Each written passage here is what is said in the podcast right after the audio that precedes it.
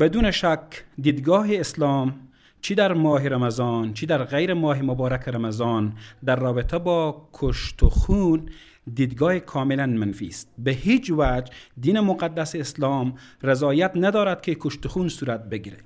اصل در اسلام صلح است. اصل در اسلام وفاداری و صفاح بین همه انسان هاست استثناعا جنگ وجود داره. آن هم جنگ که میان حق و باطل باشه. در حقیقت هر نوع جنگ که بین مسلمان ها باشه مردود است. جنگ که در افغانستان صورت می‌گیره و حملات که صورت می‌گیره و کشتن مسلمان ها در ماه مبارک رمضان چقدر باطل است از دیدگاه اسلام و تفسیر شما چی هست؟ جنگ که امروز در افغانستان جریان داره در حقیقت جنگ است من حیث بغاوت.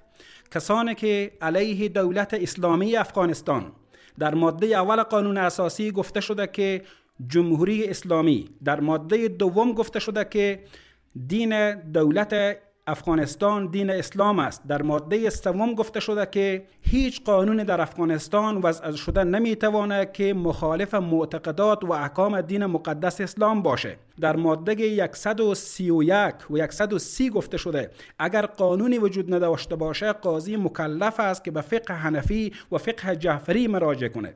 و در ماده 149 قانون اساسی آمده که اصل اسلام و اصل حقوق بشر در افغانستان قابل تعدیل نمی باشه.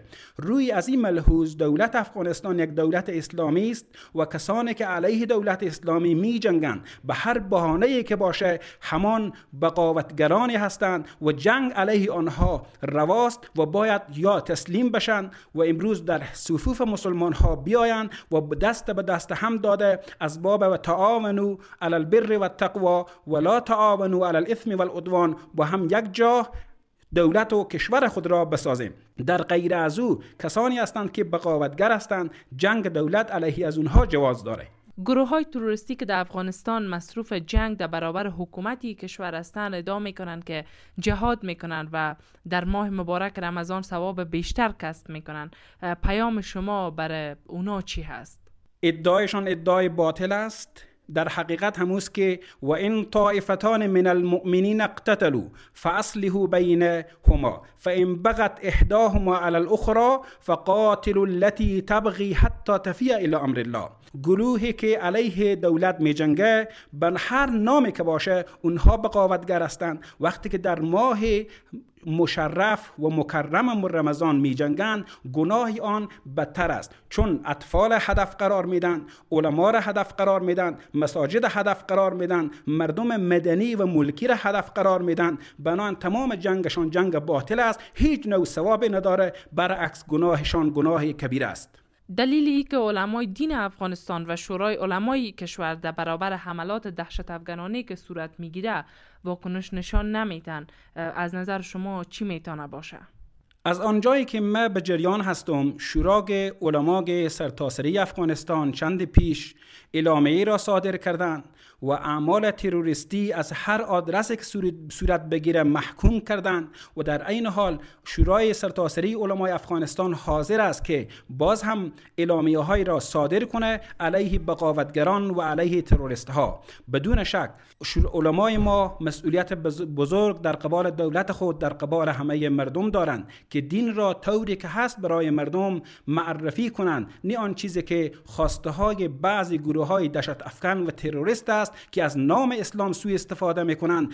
آن چیزی که اسلام است دین صلح دین صفا دین برادری و حتی ما با کفار هم جنگ نداریم. چون که در قرآن کریم آماده لا ینهاکم الله عن الذین لم یقاتلوکم فی الدین ولم یخرجوکم عن دیارکم ان تبروهم و تقسطوا الیهم.